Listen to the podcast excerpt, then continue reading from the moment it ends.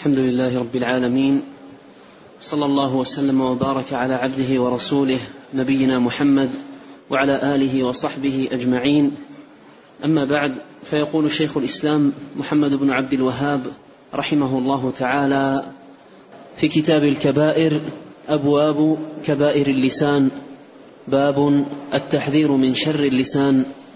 وقول الله تعالى وعباد الرحمن الذين يمشون على الأرض هونا وإذا خاطبهم الجاهلون قالوا سلاما. وقوله تعالى وإذا سمعوا اللغو أعرضوا عنه. وقوله تعالى ما يلفظ من قول إلا لديه رقيب عتيد. بسم الله الرحمن الرحيم. الحمد لله رب العالمين.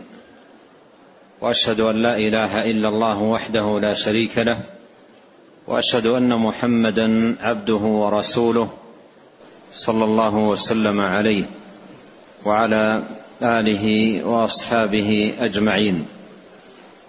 اللهم إنا نسألك علما نافعا ورزقا طيبا وعملا متقبلا. اللهم علمنا ما ينفعنا وانفعنا بما علمتنا وزدنا علما وأصلح لنا شأننا كله ولا تكلنا إلى أنفسنا طرفة عين.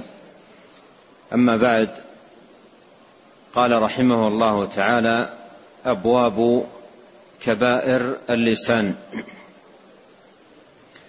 عرفنا أن المصنف رحمه الله تعالى قسم أبواب هذا الكتاب إلى أقسام فبدأ اولا بأبواب كبائر القلب ثم انتقل إلى أبواب كبائر اللسان. ومعلوم أن القلب واللسان هما أخطر ما في الإنسان فإن المرء بأصغريه قلبه ولسانه ليس المرء بيده أو رجله أو جسمه وإنما المرء بأصغريه قلبه ولسانه. فإذا صلح القلب صلح البدن وإذا فسد القلب فسد البدن وكذلك الأمر في اللسان. إذا استقام اللسان استقام البدن. وإذا اعوج اللسان اعوج البدن. وفي الحديث وسيأتي عند المصنف رحمه الله تعالى إذا أصبح ابن آدم فإن الأعضاء كلها تكفر اللسان. تقول اتق الله فينا فإنما نحن بك. فإن استقمت استقمنا وإن اعوجج اعوججنا. وهذا يفيد أن الجوارح كلها تابعة للسان. ان الجوارح كلها تابعة للسان. فإذا حفظ الإنسان لسانه وصانه فإن ذلك بإذن الله سبحانه وتعالى يكون صيانة لجميع البدن.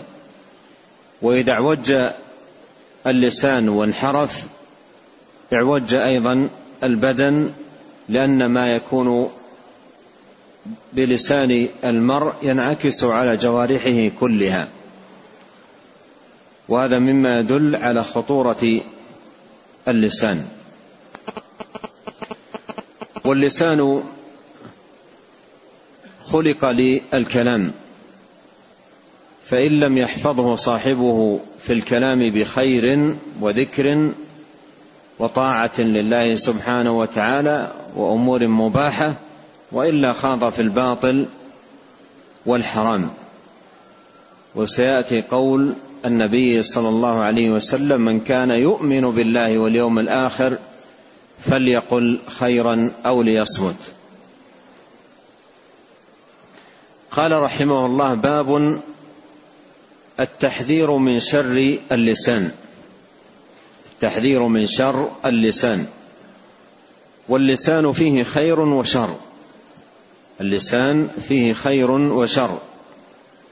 وخير اللسان هو ذكر الله. وتلاوة كلامه والدعوة إليه ومذاكرة العلم والتناصح. فهذا كله من خير اللسان. وشر اللسان كل باطل وفحش وغيبة ونميمة. إلى غير ذلك من آفات اللسان التي يجب على المسلم أن يصون لسانه عنها. فاللسان فيه خير وشر وهذه الترجمة معقودة للتحذير من شر اللسان. قال وقول الله تعالى وعباد الرحمن الذين يمشون على الأرض هونا وإذا خاطبهم الجاهلون قالوا سلاما. عباد الرحمن العبودية نوعان. عبودية لربوبية الله سبحانه وتعالى. وهذه تشمل جميع الخلق. إن كل من في السماوات والأرض إلا آتي الرحمن عبدا. وعبودية لألوهيته. وهذه تختص بأصفياء الله ومن وفقهم الله سبحانه وتعالى لطاعته ورحمهم جل وعلا وأدخلهم في رحمته. ولهذا أضافهم إلى اسمه الرحمن. قال وعباد الرحمن. وهذا فيه إشارة إلى أن الله سبحانه وتعالى رحمهم واصطفاهم وهداهم إلى هذا الدين العظيم. وعباد الرحمن الذين يمشون على الأرض هونا.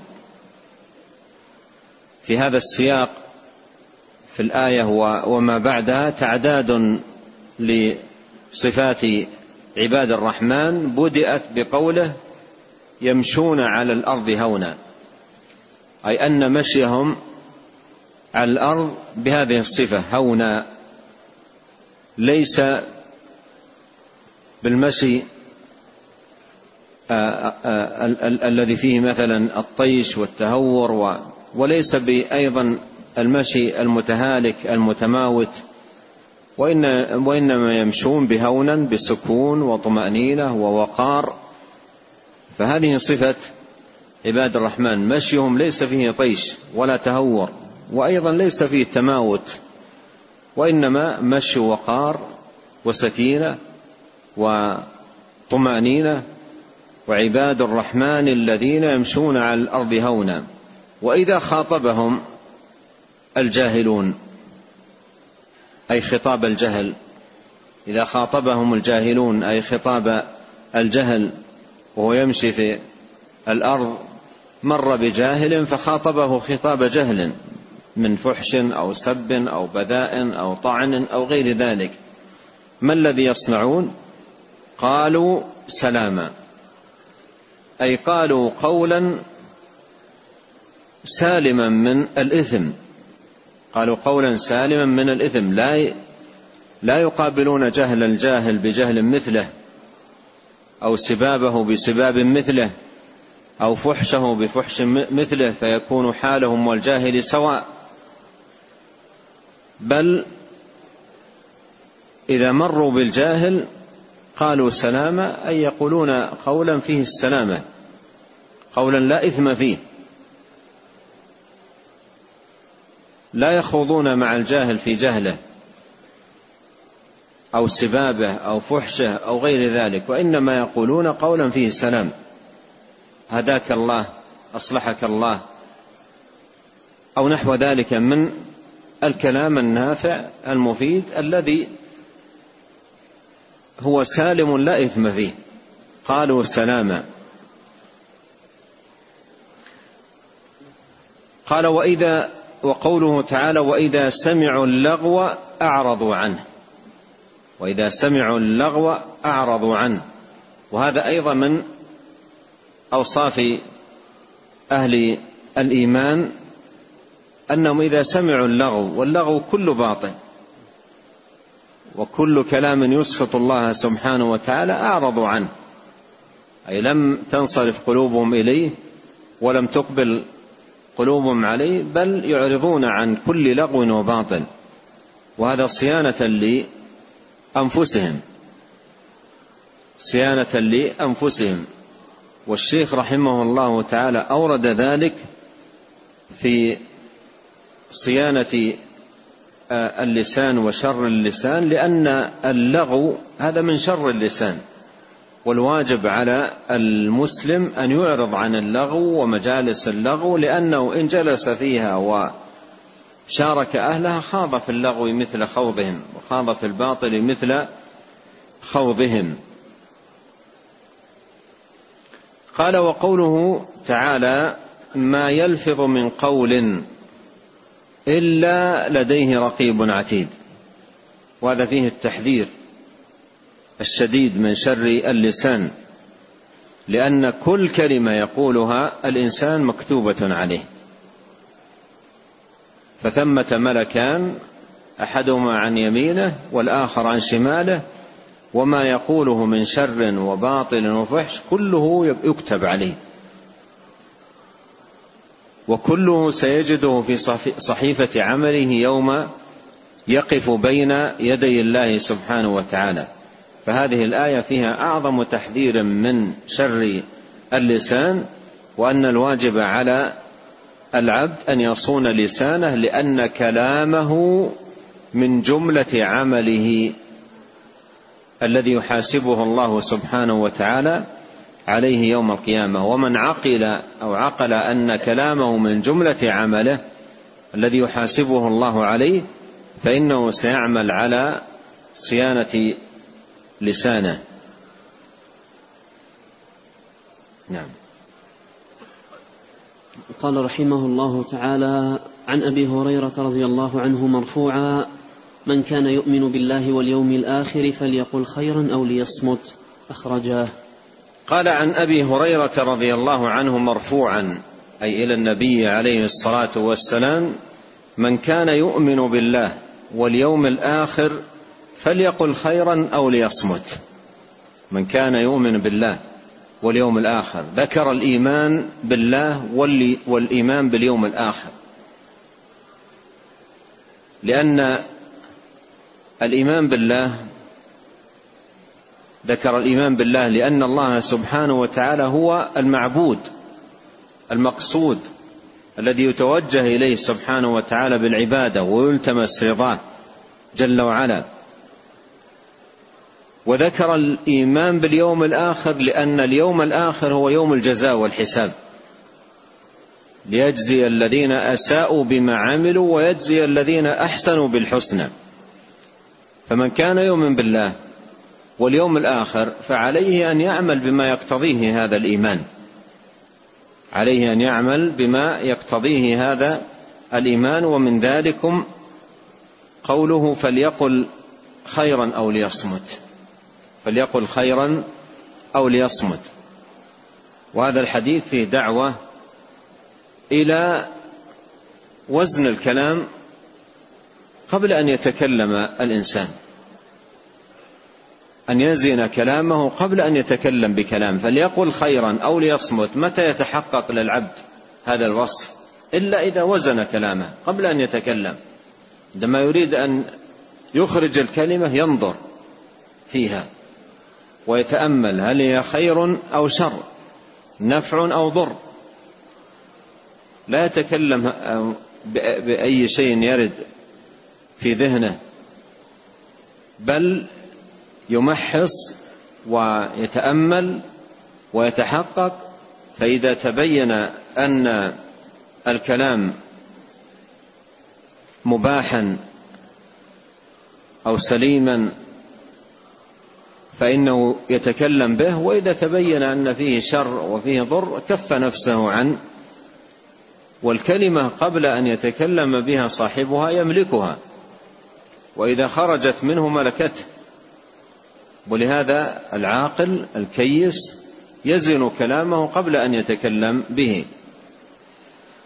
قال فليقل خيرا أو ليصمت. فليقل خيرا أو ليصمت. في ضوء هذا الحديث إذا تأمل الإنسان في كلامه قبل أن يتكلم سيجد أن ما يريد أن يتكلم به لا يخلو من ثلاث حالات. سيجد أن ما سيتكلم به لا يخرج عن ثلاث حالات. الحالة الأولى كلام تبين له أنه صحيح ونافع ومفيد.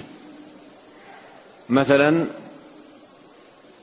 حدثته نفسه أن يسبح سبحان الله والحمد لله ولا إله إلا الله والله أكبر أن يقرأ القرآن أن يذكر الله.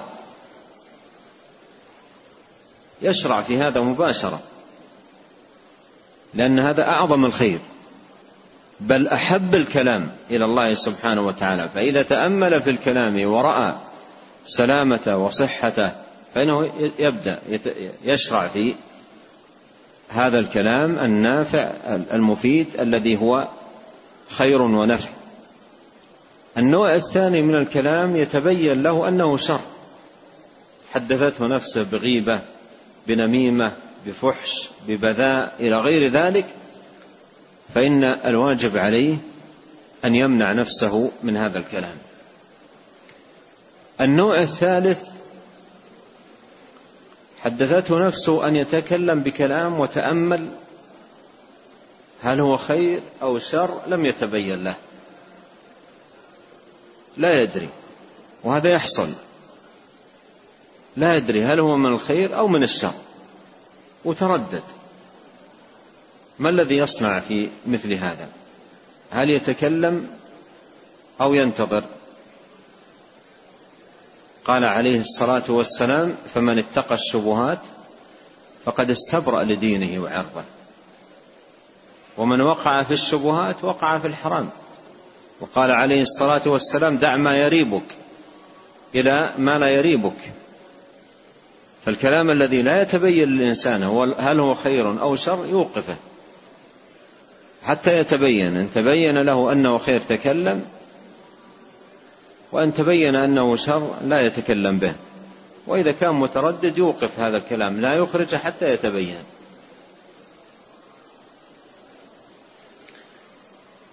نعم. قال رحمه الله تعالى ولهما عن سهل بن سعد رضي الله عنهما مرفوعا من يضمن لي ما بين لحييه وما بين رجليه أضمن له الجنة.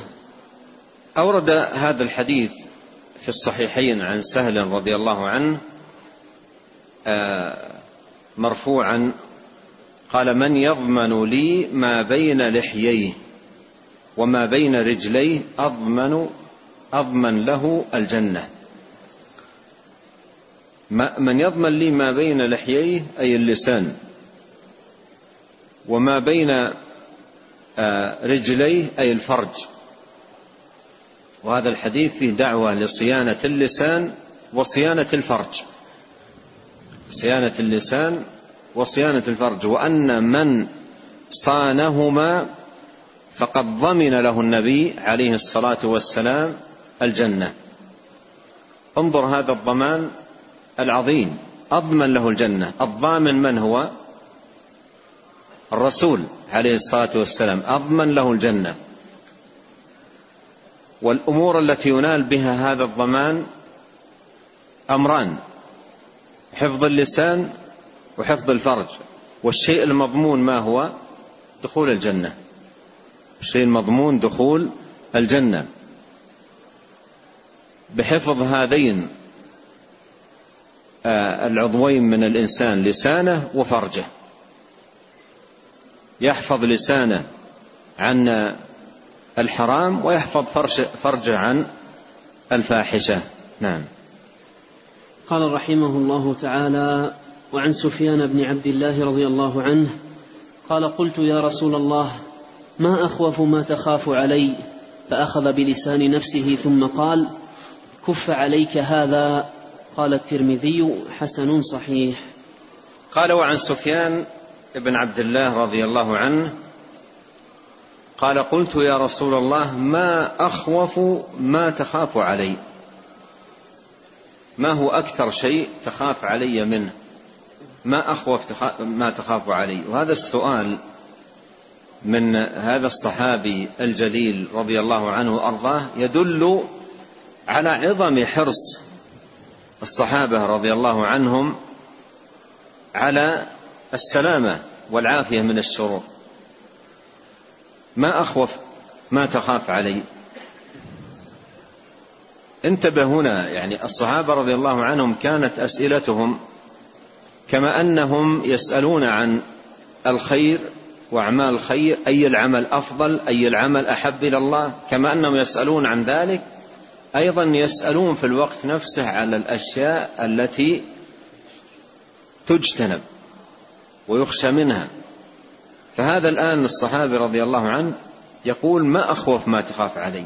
حذيفة رضي الله عنه يقول كان أصحاب رسول الله صلى الله عليه وسلم يسألونه عن الخير وكنت أسأله عن الشر. الآن هذا الصحابي يسأل عن الشر. ما أخوف ما تخاف علي. وكنت أسأله عن الشر مخافة أن يدركني. مخافة أن يدركني. وهذا يفيدنا أن المسلم كما أنه مطلوب منه أن يعرف الخير ليعمل به فإنه مطلوب منه أن يعرف الشر ليجتنبه. وأيضا هذا الحديث يفيدنا أن عقد هذه الترجمة التي عقدها المصنف رحمه الله بعنوان باب التحذير من الشر أمر مطلوب وكان الصحابة رضي الله عنهم وأرضاهم يسألون النبي صلى الله عليه وسلم عنه قال ما أخوف ما تخاف علي؟ ما أخوف ما تخاف علي؟ ما هو أشد شيء تخاف علي منه؟ قال فأخذ بلسان نفسه ثم قال كف عليك هذا كف عليك هذا. أخذ بلسان نفسه وقال كف عليك هذا. أي احذر من شر اللسان. كف عليك هذا. وإذا وفق العبد لكف اللسان عن الشر لأن قوله كف عليك هذا أي كفه عن الشر لا عن الخير. كف عليك هذا أي كفه عن الشر عن كل شيء حرمه الله سبحانه وتعالى.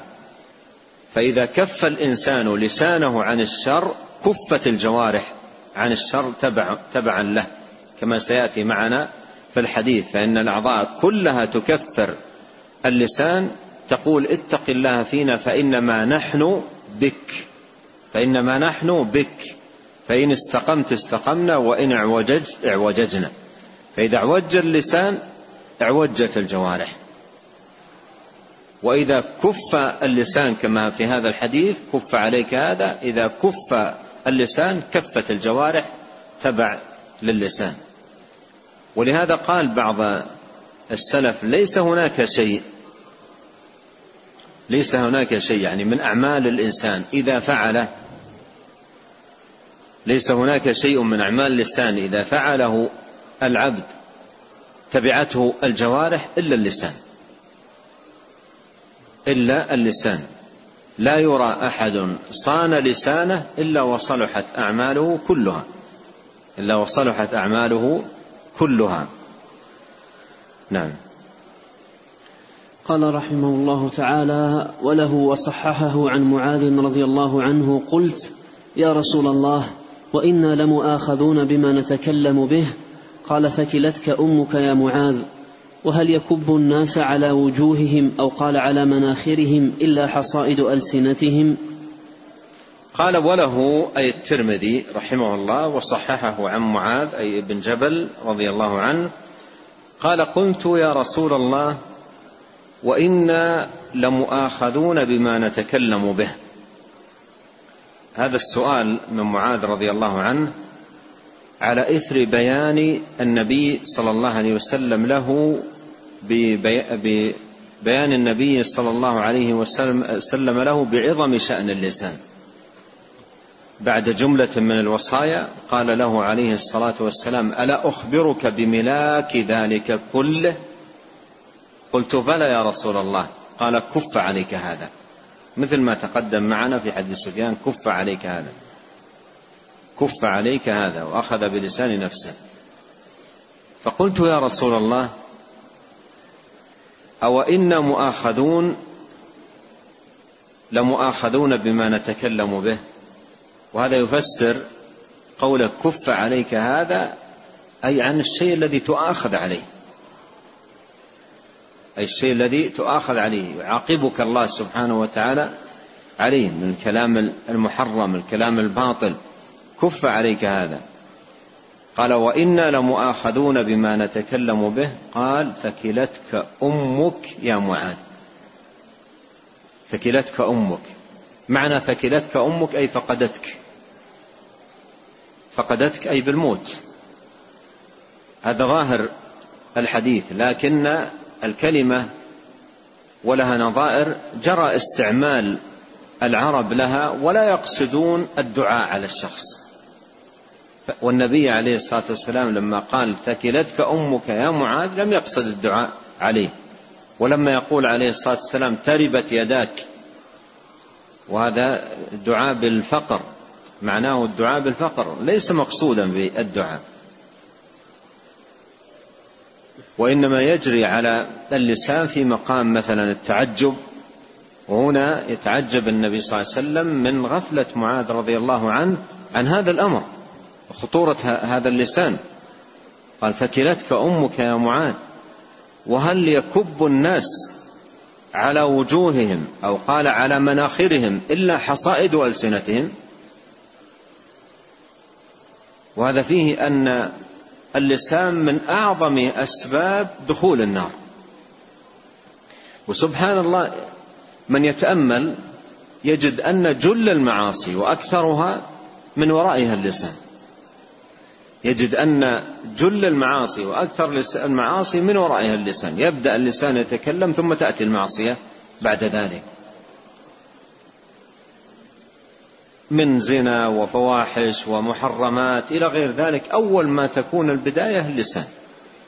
ثم تتبعه الجوارح. فإذا صان الإنسان لسانه سلم مما وراء ذلك من فواحش وأمور حرمها الله سبحانه وتعالى. نعم. قال رحمه الله تعالى وله عن أبي سعيد رضي الله عنه مرفوعا إذا أصبح ابن آدم فإن الأعضاء كلها تكفر اللسان تقول اتق الله فينا فإنما نحن بك إن استقمت استقمنا وإن اعوججت اعوججنا. قوله تكفر أي تذل وتخضع. قال وله أي الترمذي عن أبي سعيد رضي الله عنه مرفوعا إذا أصبح ابن آدم هذا يكون في كل صباح فإن الأعضاء كلها أي جوارح الإنسان جميعها اليد والقدم والأذن وغير ذلك فإن الأعضاء كلها تكثر اللسان. ما معنى تكثر اللسان؟ قال تذل وتخضع. تذل وتخضع. كل صباح تعلن الجوارح للسان كل صباح تعلن الجوارح للسان بأنها تابعة له. وأن الشيء الذي يكون عليه اللسان يكون على الجوارح. تكفر اللسان أي تخضع وتذله تقول نحن تبع لك. الشيء الذي تكون عليه تكون عليه الجوارح. تكفر اللسان تقول اتق الله فينا. اتق الله فينا. فإنما نحن بك. يد الإنسان قدمه أذنه فرجه إلى غير ذلك من أعضائه وجوارحه كلها تكفر لسانه تقول اتق الله فينا فإنما نحن بك. فإن استقمت استقمنا وإن اعوججت اعوججنا. وهذا فيه أن اللسان أمير للبدن وأعضاء الإنسان كلها تابعة له فإن استقام اللسان استقام البدن وإن اعوج اللسان اعوج البدن وهذا يدل على خطورة اللسان كما أن الحديث الذي تقدم معنا ألا وإن في الجسد مضغة إذا صلحت صلح الجسد كله وإذا فسدت فسد الجسد كله ألا وهي القلب يدل على خطورة القلب. والحديثان معا يدلان على أن المرء بأصغريه. يدلان على أن المرء بأصغريه. وقد جمع النبي صلى الله عليه وسلم في الدعاء ما يشمل الأمرين في قوله اللهم إني أسألك قلبا سليما ولسانا صادقا. وهذه دعوة عظيمة جدا في إصلاح هذين الأصغرين القلب واللسان. اللهم إني أسألك قلبا سليما ولسانا صادقا. فإذا وفق العبد بسلامة القلب وصدق اللسان صلحت الجوارح كلها بإذن الله تبارك وتعالى. نعم. قال رحمه الله تعالى وعن أبي هريرة رضي الله عنه مرفوعا إن العبد ليتكلم بالكلمة ما يتبين فيها يزل بها في النار أبعد مما بين المشرق والمغرب. أخرجاه. قال وعن أبي هريرة رضي الله عنه مرفوعا إن العبد ليتكلم بالكلمة ما يتبين فيها لا يتأمل. يلقيها هكذا جزافا مستعجلا مندفعا ما يتبين. وهذا فيه دعوة لكل مسلم أن يتبين كلامه قبل أن يتكلم به.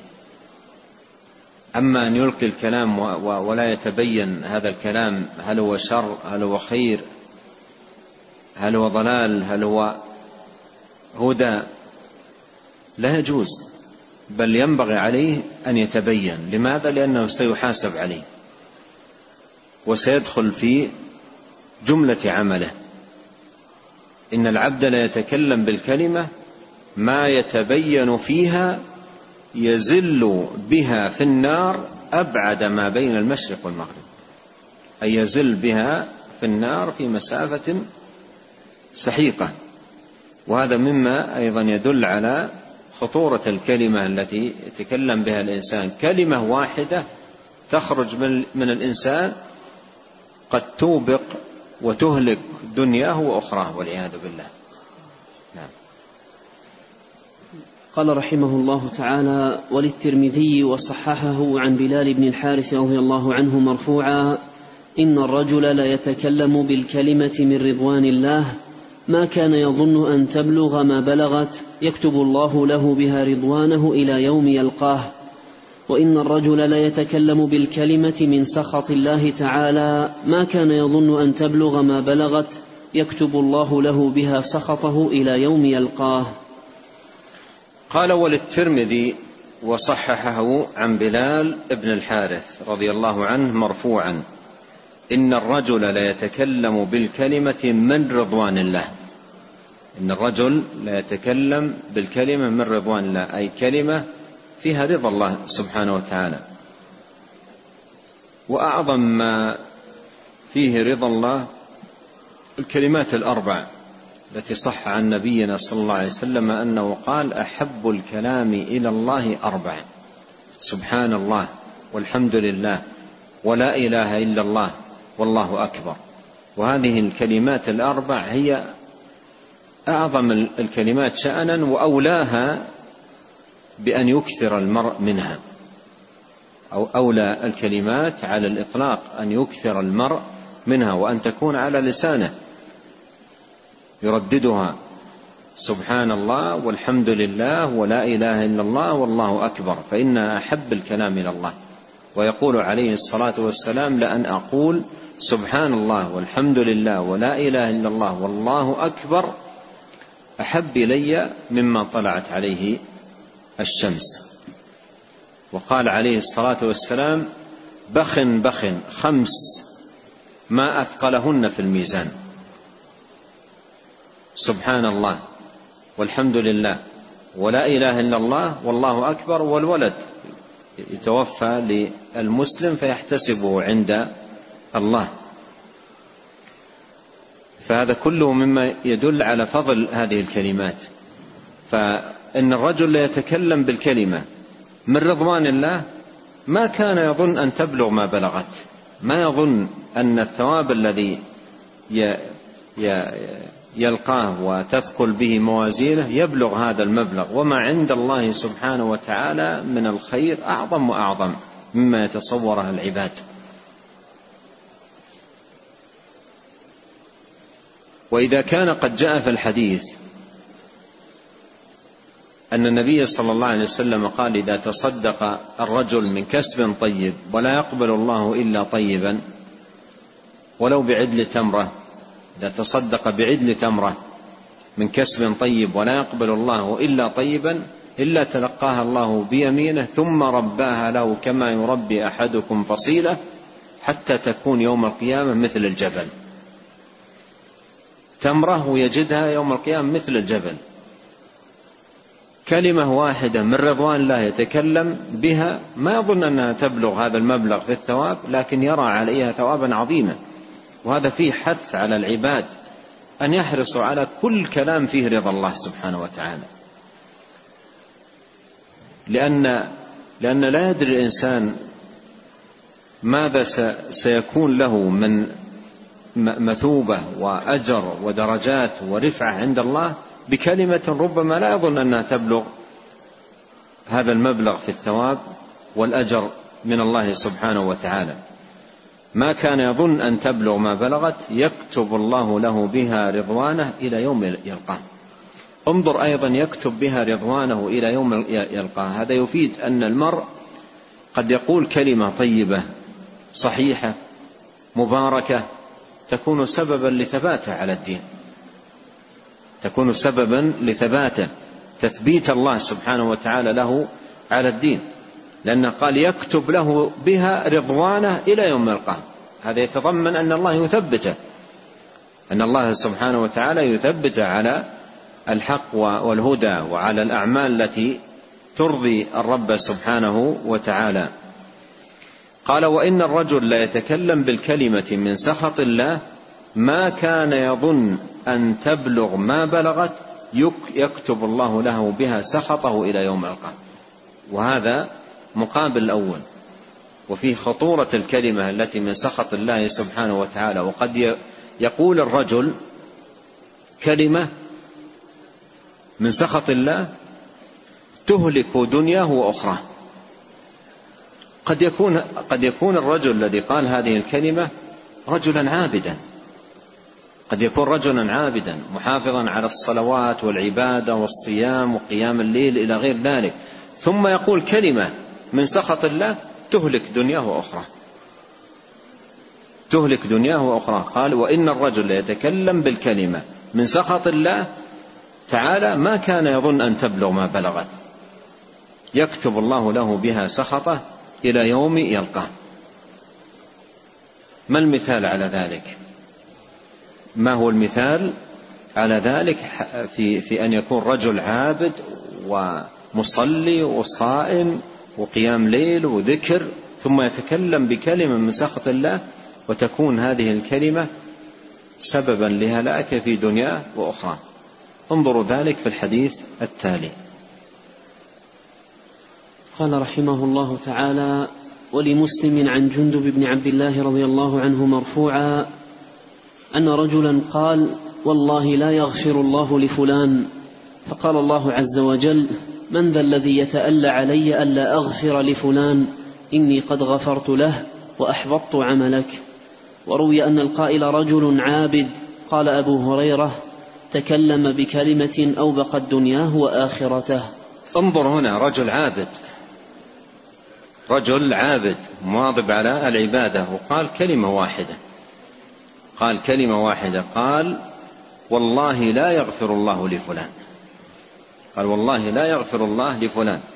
رأى شخصا متماديا في الشر متماديا في الحرام. فحلف هذه اليمين والله لا يغفر الله لفلان. فغضب الله لأن هذه الكلمة من سخط الله. هذه الكلمة فيها تألي على على الله حلف على الله أنه لا يغفر. هذا تألي وتعدي وظلم وقول على الله سبحانه وتعالى بالباطل وبغير علم. قال فقال الله عز وجل من ذا الذي يتألى علي ألا أغفر لفلان؟ من ذا الذي يحلف علي ألا أغفر لفلان؟ المغفرة بيد الله عز وجل يغفر لمن يشاء سبحانه وتعالى. قد يكون الإنسان من أكثر الناس ويشرح الله صدره للإسلام ويمن الله سبحانه وتعالى عليه بالإسلام. فإن الله يضل من يشاء ويهدي من يشاء. الأمر بيده سبحانه وتعالى. قال من ذا الذي يتألى علي ألا أغفر لفلان؟ إني قد غفرت له. إني قد غفرت له وأحبطت عملك. انظر خطورة هذه الكلمة. أحبطت عملك. كلمة واحدة ويقول والله لا يغفر الله لفلان. كانت سبب لحبوط عمله. وبعض الناس يرى في بعض الأشخاص تجاوز وتعدي وكذا ربما يتجرع على مثل هذا هذا بعيد عن الهداية وهذا لا لا لا, لا ينال الهداية ومثل هذا لا لا يمكن أن يهتدي أو مثل هذا الكلام.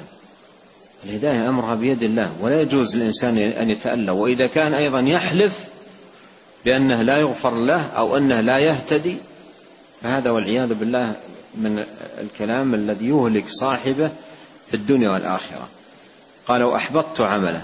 انظر فقه أبو, أبو هريرة رضي الله عنه. قال تكلم بكلمة. تكلم بكلمة. أوبقت أي أهلكت دنياه وآخرته.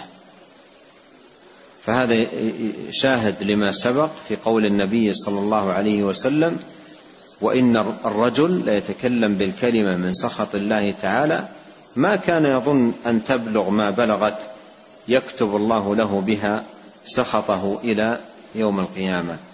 نسأل الله الكريم أن يحفظ ألسنتنا أجمعين وأن يصونها عن كل ما يسخطه سبحانه وتعالى. اللهم إنا نسألك الثبات في الأمر والعزيمة على الرشد ونسألك موجبات رحمتك وعزائم مغفرتك ونسألك شكر نعمتك وحسن عبادتك ونسألك قلبا سليما ولسانا صادقا. ونسألك من خير ما تعلم ونعوذ بك من شر ما تعلم ونستغفرك مما تعلم إنك أنت علام الغيوب. اللهم اغفر لنا ولوالدينا ولمشايخنا وللمسلمين والمسلمات والمؤمنين والمؤمنات الأحياء منهم والأموات. اللهم اقسم لنا من خشيتك ما يحول بيننا وبين معاصيك ومن طاعتك ما تبلغنا به جنتك ومن اليقين ما تهون به علينا مصائب الدنيا. اللهم متعنا بأسماعنا وأبصارنا وقوتنا ما أحييتنا واجعله الوارث منا واجعل ثأرنا على من ظلمنا وانصرنا على من عادانا. ولا تجعل مصيبتنا في ديننا ولا تجعل الدنيا أكبر همنا ولا مبلغ علمنا ولا تسلط علينا من لا يرحمنا. سبحانك اللهم وبحمدك أشهد أن لا إله إلا أنت أستغفرك وأتوب إليك. اللهم صل وسلم على عبدك ورسولك نبينا محمد وآله وصحبه أجمعين. جزاكم الله خيرا.